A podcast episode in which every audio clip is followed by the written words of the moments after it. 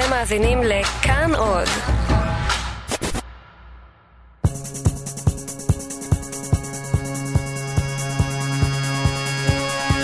את עולה כמו שמש היושבת מעליי ורושמת בקרניה את יומי. את Ladies and gentlemen, מדאם דה מיסיה!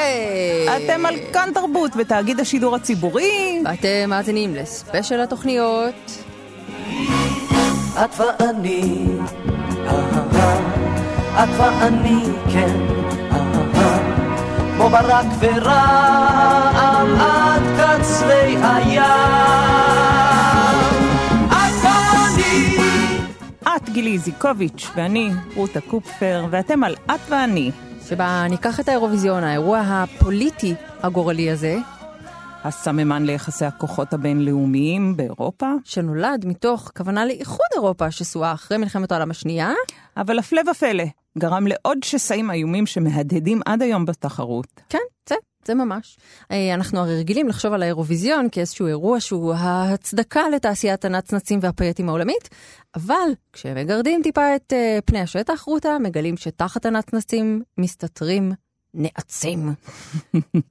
איזה משחק מילים, כזאת אני. נצנצים ונעצים, לדעתי אפשר לשלוח את זה בתור איזה שיר לאירוויזיון הבא. אני חושבת שזה יתפוס, וגם בקריינות בחידון התנ"ך, אבל uh, צחקנו עליי וזה היה כיף. ובואי, לפני שנדבר על הנושא של הפרק הזה, אני רוצה לפתוח בשיר.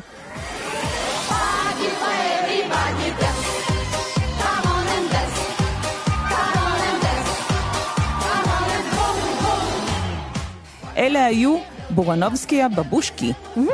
כן, נציגות רוסיה לאירוויזיון 2012. שהן למען האמת גם מתאימות לפרק אחר שלנו על הצדדים האקסצנטרים של התחרות.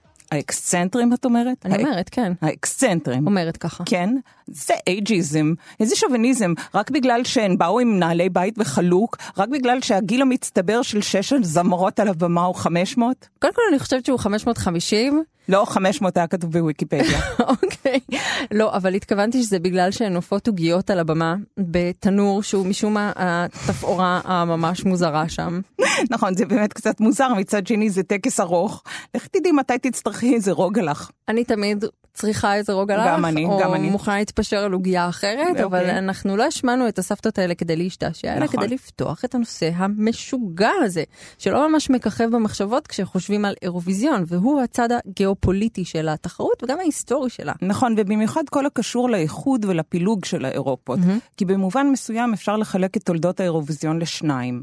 מהרגע שהוא התחיל, כן. 1956, ומהרגע שהצטרפו אל מדינות מזרח אירופה אחרי נפילת החומה, שזה מה שאנחנו שומעות עכשיו ברקע. ברקע זה אה, המדינות של מזרח אירופה.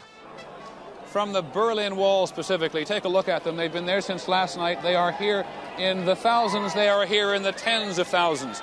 Occasionally they shout, Die Mauer muss weg, the wall must go. אנחנו ציינו כבר בפרק הראשון שלנו שעם הקמתו התגובות לאירוויזיון היו ממש מעורבות. זאת אומרת, היה מי שבירך על הניסיון ליצור בדרכים לא פוליטיות לכאורה. לא סתם בירך, זה היה אפיפיור. זה חתיכת ברכה, זה כמו הבבא סאלי. נכון. כמעט כמו הבבא סאלי. והיו מי שטענו שבמקום לאחד, האירוויזיון בעצם גורם להתבצרות ולהעמקת הפערים בין שני חלקי אירופה. ומה שקרה, ואת זה אנחנו כמעט ולא יודעים פה, הציבור הישראלי הרחב כמעט ולא יודע, ששני הדברים האלה גם יחד קרו. מצד אחד, אירופה המערבית עפה על עצמה פעם בשנה, ומצד שני, מזרח אירופה נגררה לאיזו התבצרות תרבותית. זאת אומרת, אין דרך אחרת להתייחס למה שקרה שם במזרח אירופה, שנקרא בשנים הראשונות שלו פסטיבל סופות. ספות, סופות, כן. אה, על שם העיר, עיר הנופש הפולנית סופות. כן. שם קם פסטיבל מוזיקה, מי שם מתחרה? קם? קמו מהספות. מהספות, הם קמו שם. ואת יודעת, זה לא סתם ספות בפולניה, כן, זה כן. פה ספות עם ניילון עליהם. זה חשוב, זה גם יותר קל להחליק מהן. נכון, בדיוק. אז בהחלט שם, נכון? שם, וב-1977 פסטיבל סופות למוזיקה הפך לתחרות השירים האינטרוויזיון. האם זה מצלצל לך מוכר איכשהו? אינטרוויזיון. האינטרוויזיון מצלצל לי משהו. כן. כן, כן. איך שמצלצל מוכר. מוכר, כן. יש לי פשוט אוזן מאוד מוזיקלית. שמתי לב. אז באינטרוויזיון השתתפו מדינות הגוש הסובייטי והמדינות שלימים ירכיבו את ארגון שנגחאי לשיתוף פעולה, כלומר סין, רוסיה, קזחסטן, קירגיסטן, טאג'יקיסטן ואזבקיסטן. סטניסטן גם? וסטן? סטני. תסתמי. היו חמש תחרויות בסך הכל שנועדו להסיט את תשומת הלב של הקהל המקומי מפיתוייו של האירוויזיון. אבל מה שאני רוצה להגיד לך, כבת להורים ממזרח אירופה, כן, קשה מאוד להסיט את תשומת הלב של אנשים מהמזרח, מאחורי חומת הברזל, והם מצאו תמיד דרכים להקשיב ולנסות להציץ לעולם ש... כולו היה מוסתר מהם. ובמקרה הזה גם לא היה להם הרבה הזדמנויות להתנחם באינטרוויזיון, כי הוא באמת בוטל ב-1981 בנסיבות פוליטיות, וזו הייתה השנה שבעצם ארגון הפועלים ה- אה, העובדים הפולני סולידריות. סולידרנושט? אמרתי לך? הורים? יש- מזרח לא, אירופה? יש לך באמת אוזן אוזן, ולשון, שפה גם. אוקיי.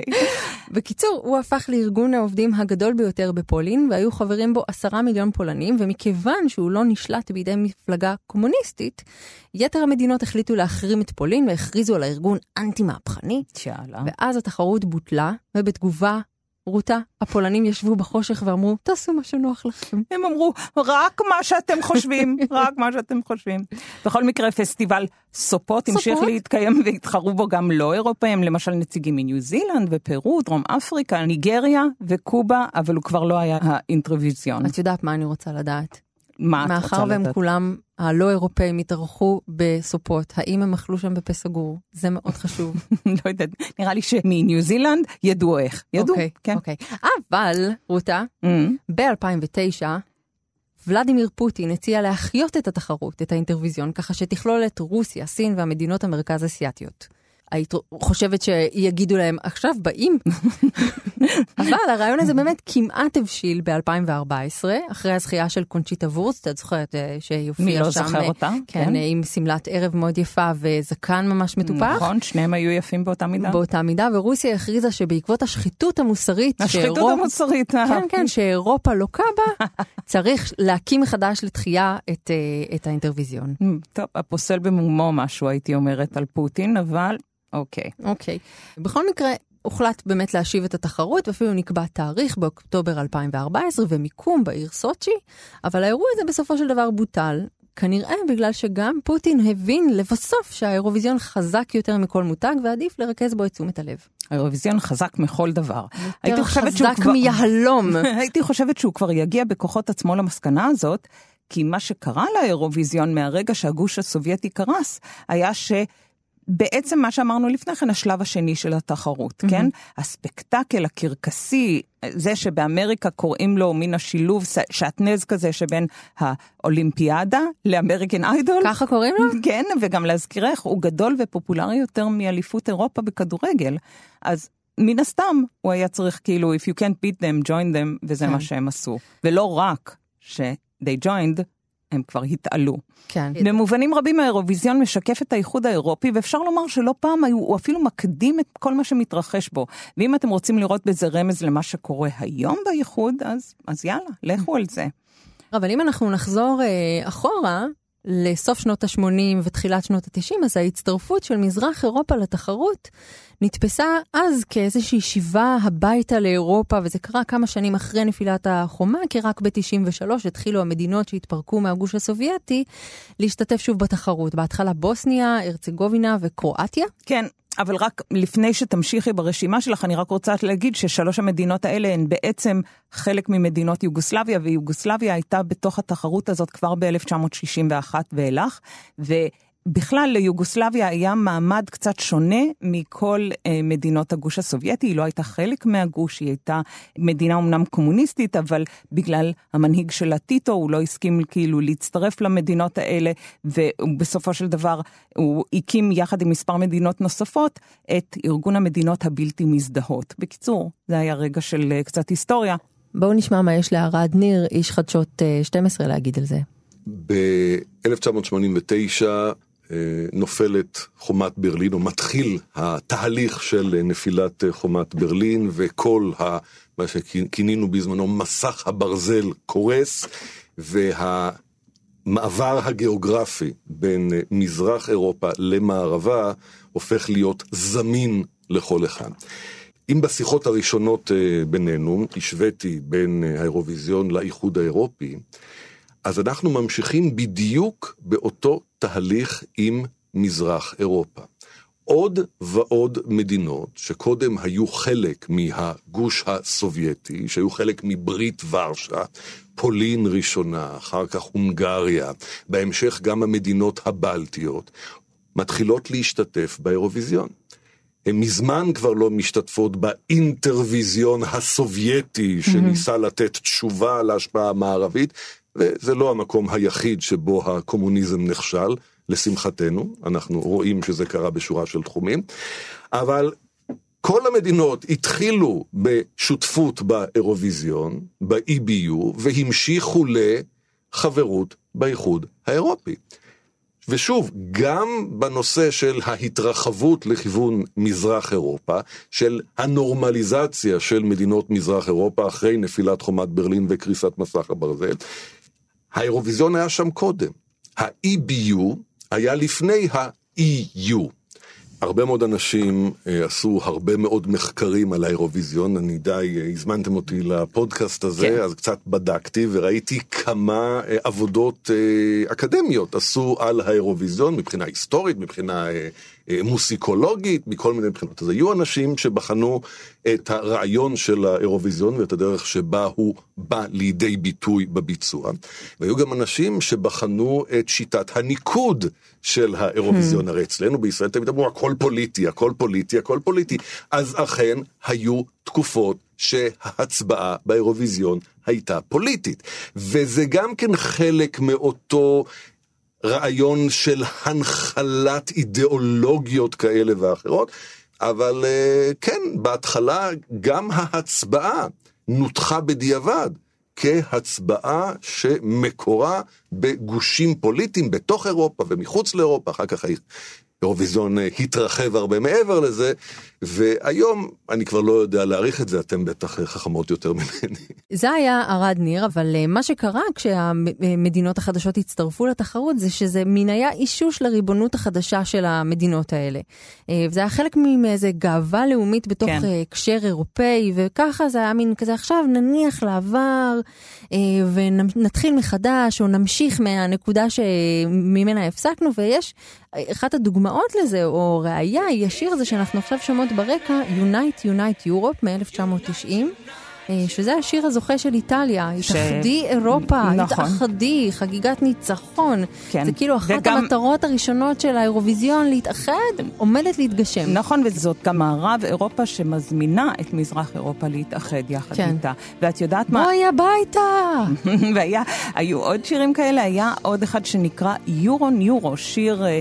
ראפ, כן. נכון? כן, שזה ז'אנר שממש הולך חזק באירוויזיון. חזק מאוד, זה גם ז'אנר מאוד אירופאי. נכון, מאוד. בכל אופן, ושלחה אותו מנטנגרו, שהיא, כמו שאנחנו יודעים, ערש הראפ.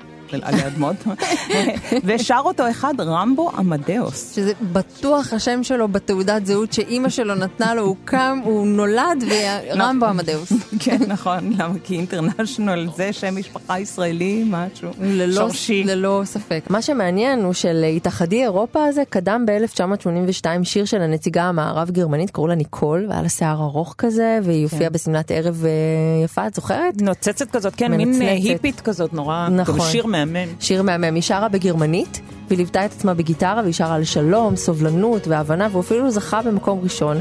אבל uh, את חושבת שהיא התכוונה לביסה לפיסלה עם uh, מישהו מיוחד? כאילו, כן, עם מישהו שקרוב אליה וחולק איתה חומה? למשל? נראה לי, כן. So wie ein Feuer im eisigen Wind, wie eine Puppe, fühl ich mich an manchem Tag. Dann seh ich die Wolken, die über uns sind und höre die Schreie der Vögel im Wind.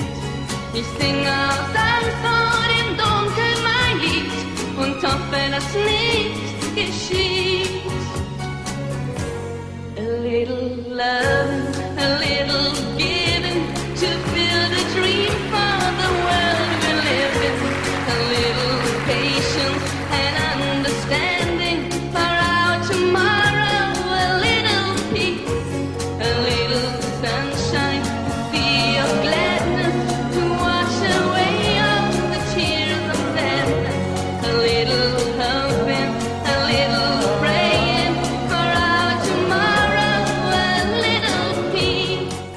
רצית אה, לספר לי משהו על השיר של אה, יורו? את יודעת, אבל הקהל שלנו לא יודע, כשעל הבמה, בשעה שיורו ניורו הושר, אה, את תפאורה את הסוס טרויאני.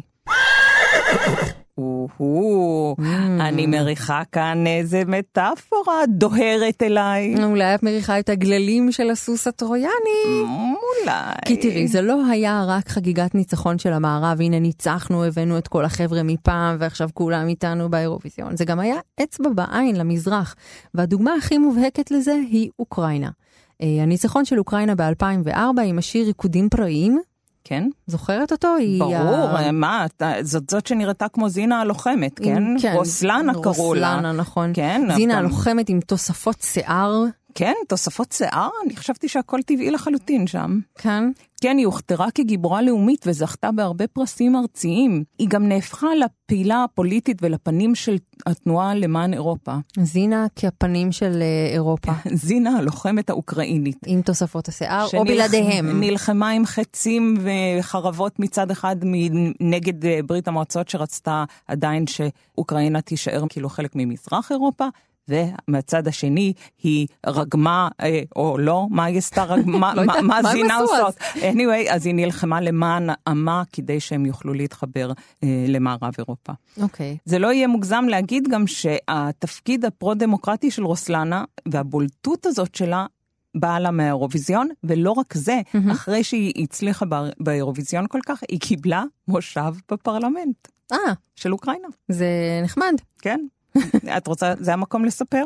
מה? שכשאני הייתי בצבא, אז אה, היה קצין בבסיס שהוא קיבל את הדרגות שלו, כן. אחרי, כי הוא היה רס"ר, והוא מהמם. קיבל את הדרגות שלו אחרי שהוא מצא את האפיקומן בליל הסדר. זה מה שהוא ביקש? ביקש מאלוף הפיקוד, ואלוף הפיקוד העניק לו את זה. זה מקסים, זה סיפור סיפור מאוד אמיתי, יפה. מאוד יפה, על. מצוינות בצבא. בצבא ובליל הסדר. זה חשוב מאוד. אבל כל הסיפור הזה על, אה, על אוקראינה ועל רוסלנה סלש זינה מזכיר לי את המאמר הזה, את זוכרת שנתקלנו במאמר של שני פרופסורים לתקשורת מאוניברסיטת ורשה, והכותרת שלו היא פוליטיקה תמיד הייתה בלב האירוויזיון. הם מספרים שהרבה מאוד מדינות שלחו שירים עם מילים ושמות שיש בהם מסרים פוליטיים, איזה משהו מטען אה, תת-קרקעי כזה. נכון, למרות שזה נוגד את חוקי האירוויזיון, כן? נכון. והרבה פעמים זה גם מסרים שהם עוברים לרוב האנשים מעל הראש, הם חוץ טובים. ממי שאמור להבין אותם. מי שנמצא במדינה הרבה פעמים מבין, העולם הבינלאומי מבין פחות, אבל רק כמה דברים שאנחנו כן בכל זאת הבנו, זה ב-2009, זמן קצר אחרי מלחמת גיאורגיה-רוסיה, השיר של גיאורגיה היה אנטי פוטין במובהק, וגם היה, אה, לארמנים היה שיר שהם שלחו עם עקיצה ברורה לטורקיה, עם אזכורים לטבח של בני עמם. שזה שמח מאוד בשביל שיר לאירוויזיון. כן, אז אבל כמו שאנחנו אומרים בכל הפרק הזה, יש כאן הרבה ערכים אה, אחרים, ולא רק שמחה ושירה ורינה ודיצה. כן? נכון. ויש גם מי שתהו שהנשימה האחרונה, השיר של יוון, שהם אה, העלו ב-2015, כן. האם הוא התייחס בעצם למשבר הכלכלי החריף שפקד את המדינה? נכון, וגם אה, דגלי סוריה במופע של אה, פינג פונג בטח היו, אולי הם ניסו. להגיד איזה משהו, אני לא יודעת. מה ניסו להגיד, הם גם החזיקו מלפפונים, אז אולי הם היו, ככה הקדימו את ראש ממשלתנו בשנים רבות כשהוא דיבר על החמוצים. אני דווקא חשבתי על, תהיתי אם הם היו כבושים, המלפפונים האלה, אם את מבינה. למה אני... אה, אני כבושה. אבל את יודעת, רות, אנחנו נוהגים להסתכל על ההצטרפות של הגוש הסובייטי ולהגיד איזה יופי, המערב ניצח וכותרות סיום, פין, גמרנו, וזה ממש לא מה שקרה. כי במידה מסוימת אפשר להגיד שמה שאירופה המערבית תפסה כניצחון, הסתובב ונשך אותה בטוסיק. בטוסיק, בטוסיק שלה, כן. כן. כי הגוש הסובייטי, נכון שהוא קרס, נכון. ונכון שהמערב היה בטוח שהוא ניצח, כן. אבל בינתיים מה שקרה, שכשבוחנים את אחורי הקלעים של התחרות, לומדים שמתחת לפני השטח יש משמעות מתמשכת לשותפות אה, ההיא מפעם. שותפות הגורל את מתכוונת? כן. כן. טוב, כן, אני מבינה את מה שאת אומרת. מעידים על זה דפוסי הצבעה, נכון? הם נגועים עד היום בשיקולים פוליטיים, שבהם שכנים תומכים זה בזה. או שונא- בכלל לא. או בכלל לא, נכון? שונאים, מתעלמים זה מקיומו של זה, כן? אה, מדינות הבלקן מצביעות זו לזו, כך גם המדינות הבלטיות. והסקנדינביות mm-hmm. גם אוהבות אחת את השנייה, וזה גם, אני חושבת שזה בגלל שהן גם קצת מבינות את השפה, כאילו, אם לנו השפה הזאת היא מין מחסום, אז בשבילן היא לא. Mm-hmm. וגם אה, נגיד קפריסין ויוון תמיד מצביעות אחת לשנייה, mm-hmm. יש להם איזה מין פקט כזה. וראינו גם, אה, קראנו מחקר שוויצרי שיצא מ-2013, והוא בדק את דפוסי ההצבעה האלה. בין השנים 1997 עד 2013, ומצאו mm-hmm. שאכן מדינות נורדיות ומדינות של הגוש הסובייטי לשעבר הצליחו בשנים האלה משום שהן הצביעו זו לזו. Mm-hmm. בעוד שמדינה כמו נגיד צרפת, כן. מסכנה, היא לא זכתה מאז 1977. שזה בטוח בגלל זה. נכון, אבל גם את יודעת שתהיה קצת יותר נחמדה לשכנות שלה. גם יכול להיות. אבל את יודעת, גם בלי המחקר הזה אפשר לספר שמאמצע העשור הראשון של שנות האלפיים, כשהבלטיות הצטרפו והסובייטיות לשעבר נכנסו לתחרות, כבר אז יש טענות וכל מיני תלונות של מעריצים. ברור. וגם של התקשורת שמכסה את הראי לי אירוויזיון בלי אה, תלונות וטענות, ואראה לך מהו אינו אירוויזיון. אוקיי. מכירה את הביטוי הזה? Mm, עכשיו, שלום שלום, לא הכרנו עד עכשיו. אבל עכשיו, חברים. שגור בכל פה. אבל אם אני אחזור לדבר שאותו רציתי להגיד, סליחה. אז אה, זה ש, שיש עדויות לזה גם בסיקור של האירוויזיון, נגיד ב-2007, אה, דיווח של רויטרס מ-2007, נאמר שהתחרות מפולגת בגלל הצבעה בין מזרח למערב, ושבמיוחד מדינות מזרח אירופה מצביעות לפיינליסטים בגמר אה, בהתאם לאינטרסים פוליטיים וקרבה גיאוגרפית, ואפילו ב-BBC אמרו שחבל שהאירוויזיון הוא לא על השיר הטוב ביותר. אוי, מה אתם אומרים? את יודעת מה יש לי להגיד על ה-BBC? מה? אנטישמים. הדיווח הזה שאת מזכירה מ-2007, mm-hmm. הוא מתייחס לזכייה של סרביה. Mm-hmm. השיר של המדינה הזאת קוראים לו מולטיבה. מולטיבה?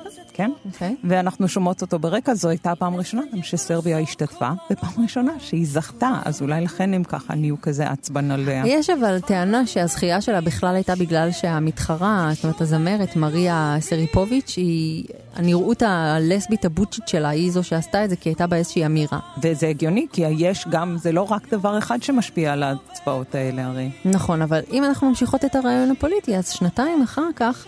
ממשלת רוסיה העלתה הפקה גדולה במיוחד במוסקבה כדי להוכיח כמה היא אה, גדולה וכמה היא יוקרתית וכמה היא יכולה ואיך בכלל העליונות הרוסית התרבותית היא מנצחת את כולם, את כל מי שהיה לפני. כן, נכון, עם הרבה זהב והרבה נצנצים. בכלל, המדינות של הגוש השקיעו כסף רב במועמדים שלהם. Mm-hmm. אסטוניה ואוקראינה ממש מימנו סיורי הופעות של המועמדים של המדינות שלהם, כדי להגדיל את החשיפה שלהם, שאנשים יכירו אותם ולהכשיר את הלבבות. שכאילו... זה עזר להם? כן, זה עזר להם, כי זה הוביל לזכיות של שתיהן. יאללה, קובי ב... מרימי, צא לדרך. קצת מאוחר, אבל ב-2001 וב-2004.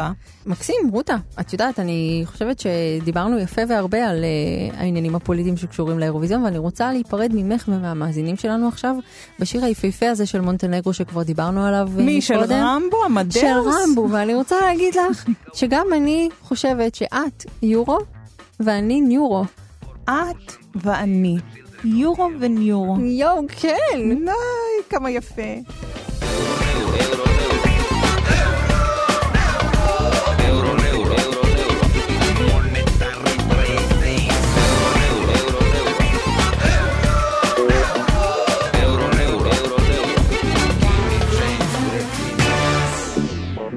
תודה למפיק שלנו רום אטיק ולעורכת ירדן מרציאנו, תודה לאורחים שהיו איתנו באולפן ולכם שהאזנתם.